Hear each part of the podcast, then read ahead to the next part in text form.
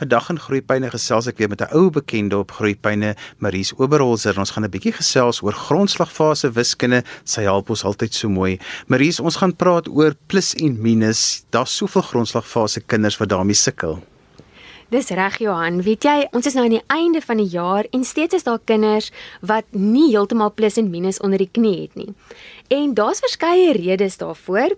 Een is byvoorbeeld dat wiskunde ontwikkel van die konkrete na die abstrakte. So konkreet beteken om met werklike voorwerpe te werk. En dan gaan ons uiteindelik na die abstrakt toe waar ons dan nou net met die simbole werk. En baie kinders wanneer hulle byvoorbeeld die abstrakte sien, soos byvoorbeeld 2 + 3, is dit vir hulle moeilik om dit te doen as hulle nie 'n prentjie in hulle kop het van wat 2 + 3 beteken nie. So met ander woorde, dit beteken dat die kind 'n voorstelling moet hê in sy kop van hoe 3 lyk en hoeveel 2 is en dan sal hy eers die plusom kan doen. En dan is daar natuurlik ook allerlei planne wat hulle kan maak om verskillende plussomme of minussomme te doen. So, kom ons begin by wanneer dit vir kinders moeilik is want ouers kom dit nie altyd agter nie. Dan voel dit altyd vir my wanneer hulle dit agterkom dan sit hulle baie keer amper angswekkend te laat en dan is daar baie angs. Yes, reg Johan, dit kan so maklik angs by kinders veroorsaak. So wat ek baie keer vind is dat kinders wat byvoorbeeld nou sukkel met die basiese optel, het eintlik 'n probleem met om 'n hoeveelheid by 'n simbool te plaas. So mense moet partykeer 'n paar stappe nou gaan terugvat, nee, ons is nou aan die einde van graad 1 byvoorbeeld en die juffrou wil hê ons moet nou al, jy weet, tot by 10 plus en minus somme gaan doen. Maar dit gaan nie help ons gaan daarop fokus as ons eers gou teruggaan en gaan seker maak dat ons kind in graad 1 byvoorbeeld weet wat bedoel ek met 4 of hoeveel is 6.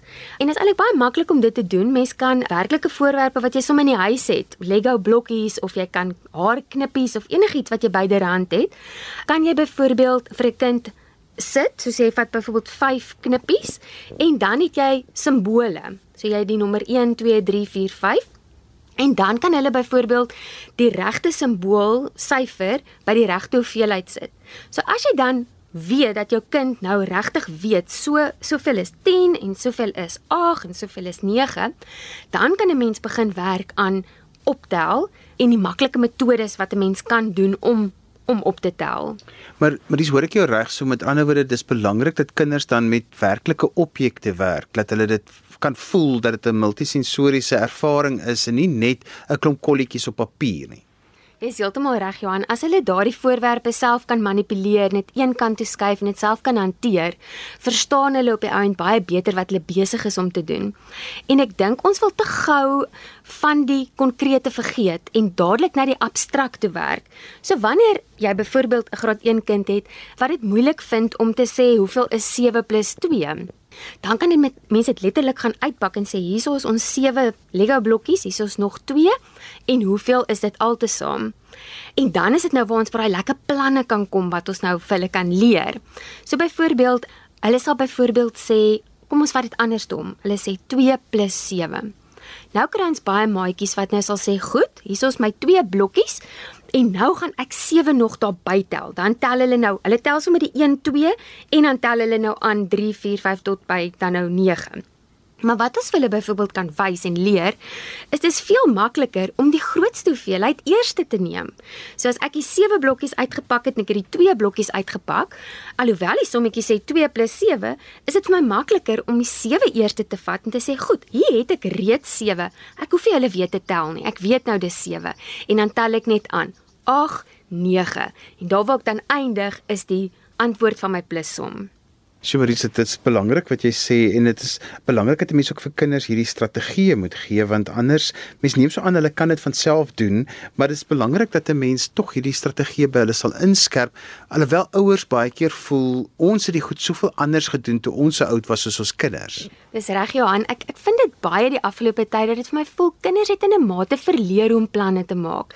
Kyk, hierdie jaar vereis van ons as ouers om betrokke te wees by ons kinders. Ons moet baie van die goeders by die huis doen. En terwyl ons dan met hulle werk, kan ons maar vir hulle hierdie lekker planne wys hoe ons makliker kan optel. Ek dink byvoorbeeld aan die graad 2's. Hulle sal byvoorbeeld op die oomblik somme doen soos 8 + 5.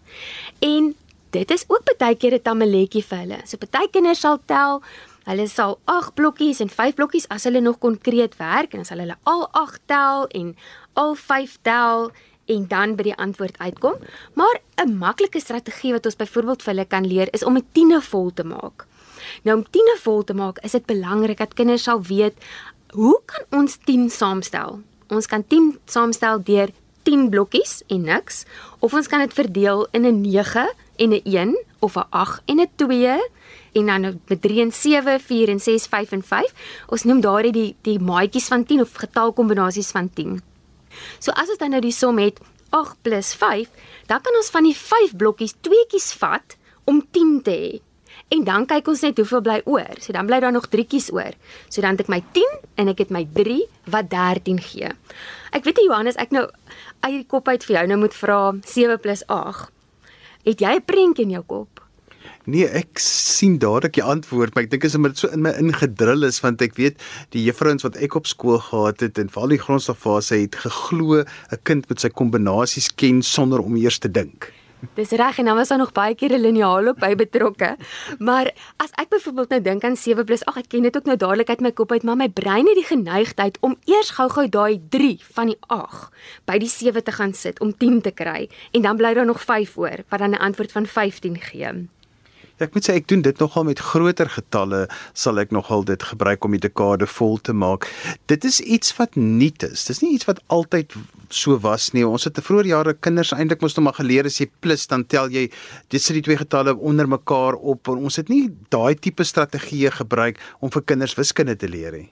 Dis reg en en ons kom dan nou as die kinders in die intermediêre senior fase is, dan wil ons hê hulle moet die twee getalle onder mekaar kan skryf en die antwoord kry. Maar voor ons by daai stap kan kom, is dit belangrik soos ek sê dat ons hierdie planne vir hulle gee. Dit is eintlik baie hartseer as 'n mens 'n kind in graad 4 en 5 kry wat baie onnodige foute maak omdat hulle nie daai kombinasies in die grondslagfase goed vasgelê het nie. So daai kinders verloor onmiddellik punte as hulle net die ene van hulle getal begin optel, want hulle het nie daai kombinasie onder die knie gehad gehad toe hulle nou in die grondslagfase was nie. Ek wil terugvat na daai hoeveelheidsgevoel, daai gevoel van hoeveelheid wat 'n mens moet ontwikkel by jou kind, veral van kleintyd af, maar dan in grondslagfase help dit hulle baie dat baie kinders weet nie dat die 1 van 15 staan vir 10 en die 5 staan vir 5 ene nie en dat hulle nie ook 'n gevoel het dat die dekade daarin lê nie. Dis waar en dit is verskriklik belangrik. Dit is eintlik die grondslag vir baie van ons bewerkings as ons vorentoe plus en minus. So om dit daarmee te help, kan 'n mens, almal het nou nie 'n telraam in in die huis nie, maar as mens 'n telraam in die hande kon kry, kan 'n mens maklik wys byvoorbeeld dat 15 bestaan uit 'n rytjie van 10 en 5 ene. Of weer eens ons kan ons Lego blokkies vat en dat ons dan nou in daai geval as ons nou wil weet, hulle moet weet dit is 'n 10 plus 'n 5 om dit so te gaan uitpak dan. Hier is ons groepie van 10. Ons kan selfs 'n toutjie om ons groepies van 10 sit om te sê, hier is ons groepie van 10, hier is ons 5 los ene en saam gee dit 15. En dan natuurlik 'n wonderlike hulpmiddel wat ouers sommer op die internet kan soek. Ons noem dit flaartkaarte of sprykaarte. En dit is kaarte wat getalle deel in hulle ene en in hulle tiene en in hulle honderde. So byvoorbeeld daar sal jy 'n getal soos 25 kan bou deur te sê dit bestaan uit 'n 20, dit is aan my tiene en dit bestaan uit 'n 5 en die 5 kom bo op 20 se 0. En dan besef hulle maar daai 2 is nie 'n gewone 2 nie. Dit is eintlik 'n 20. En net om eintlik nou weer te beklemtoon hoe belangrik dit is, as 'n kind byvoorbeeld nie besef dat 25 bestaan uit 'n 20 en 'n 5 nie. En hulle moet 25 plus 10 dan gaan hulle waarskynlik aantel van 25, 26, 27, 28, 29. Waar jou kind wat besef dis 'n 20 plus 'n 5 gaan dadelik weet dis eintlik net my 10e wat verander. Dis net my 10 wat 'n groepie van 10 meer raak en dan het ek 30 plus 5 wat 35 is. So weer eens gaan dit oor daardie strategie om kinders te verhoed om langdradige metodes want in hierdie geaantel nou byvoorbeeld as jy 10 aantel gaan jy dalk nog langs die pad 'n fout ook maak. So daarom wil ons graag hê hulle moet 'n presiese konsep hê van wat 'n getal is sodat ons daardie planne kan maak om makliker op te tel.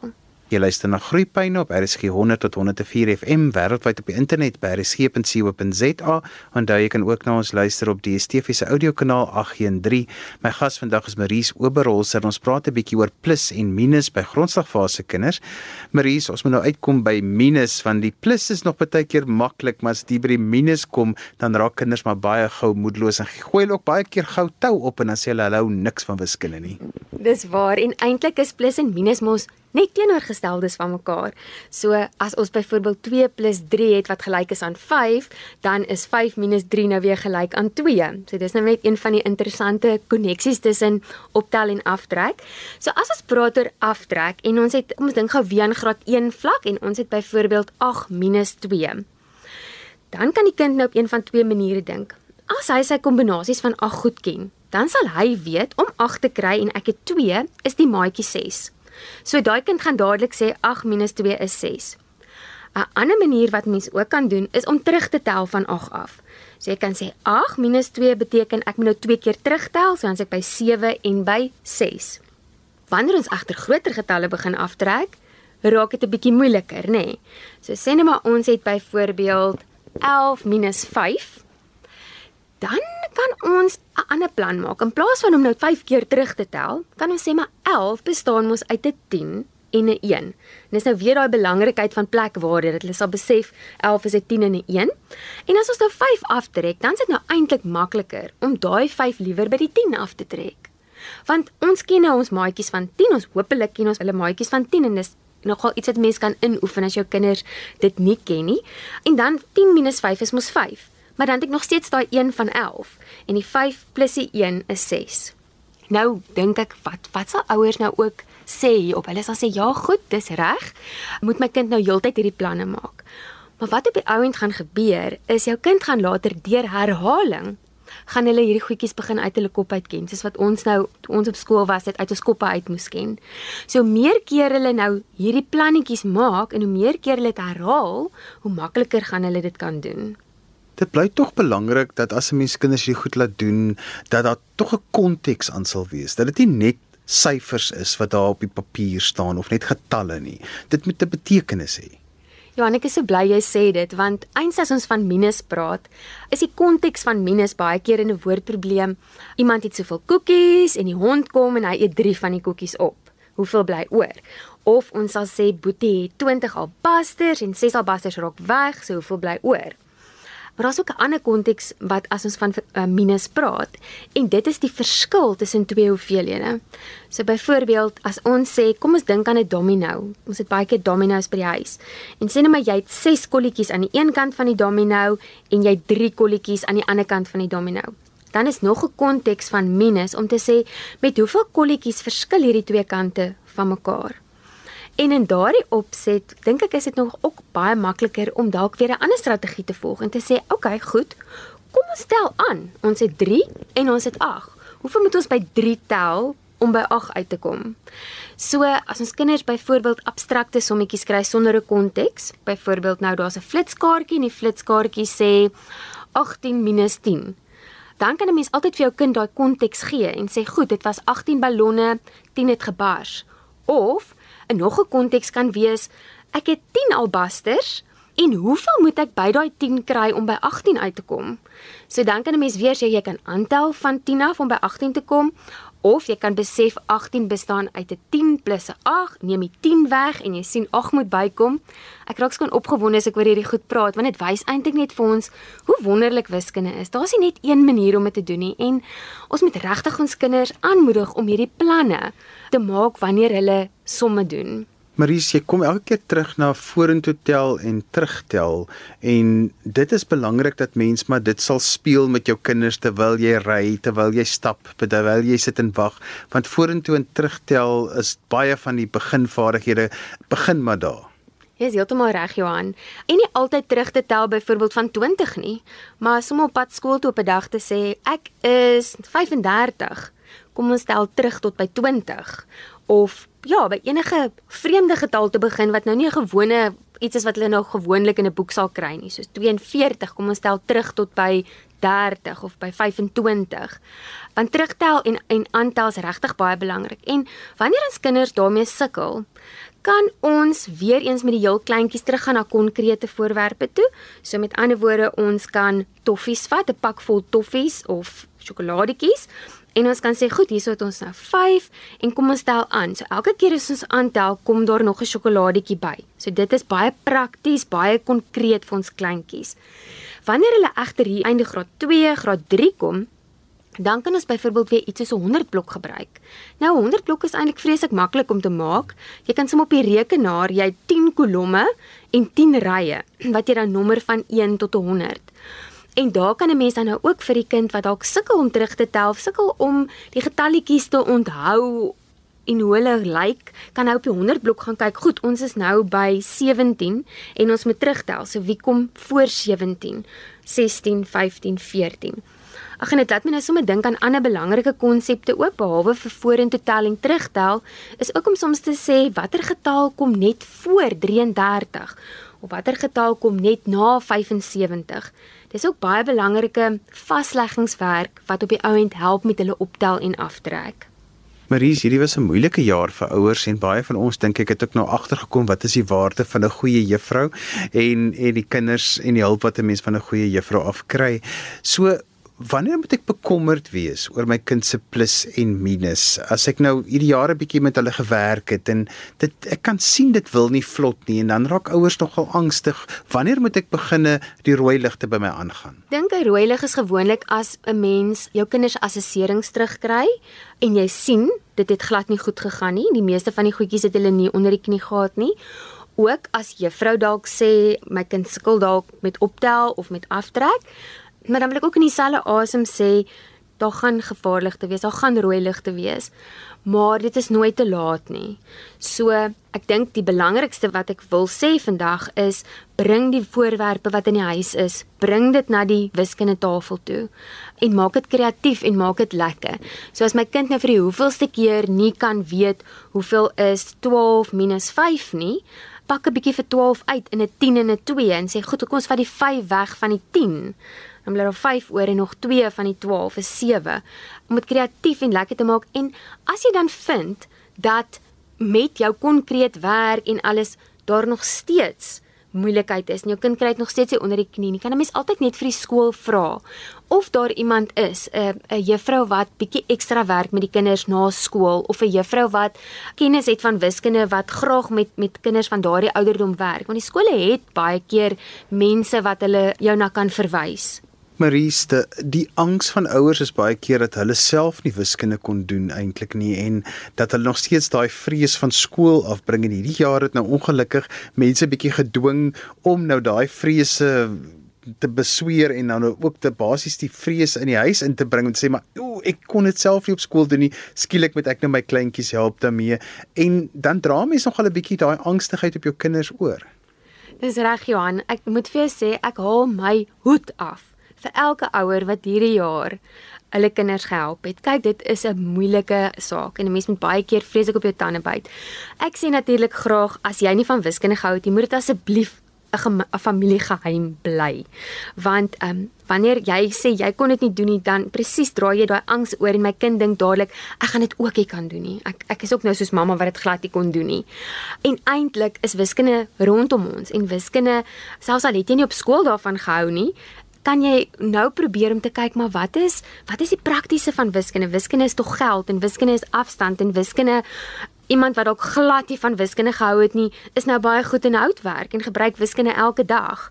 So ek wil regtig mooi vra vir enige volwassene wat met 'n kind werk om nie daai wiskunde angs te probeer te probeer om dit nie oor te dra nie en liewer te kyk na die na die pluskant van wiskunde en te sê maar ons het eintlik wiskunde elke dag nodig. So hoe kan ons dit kreatief maak? Hoe kan ons dit lekker maak? Watse planne kan ons self maak?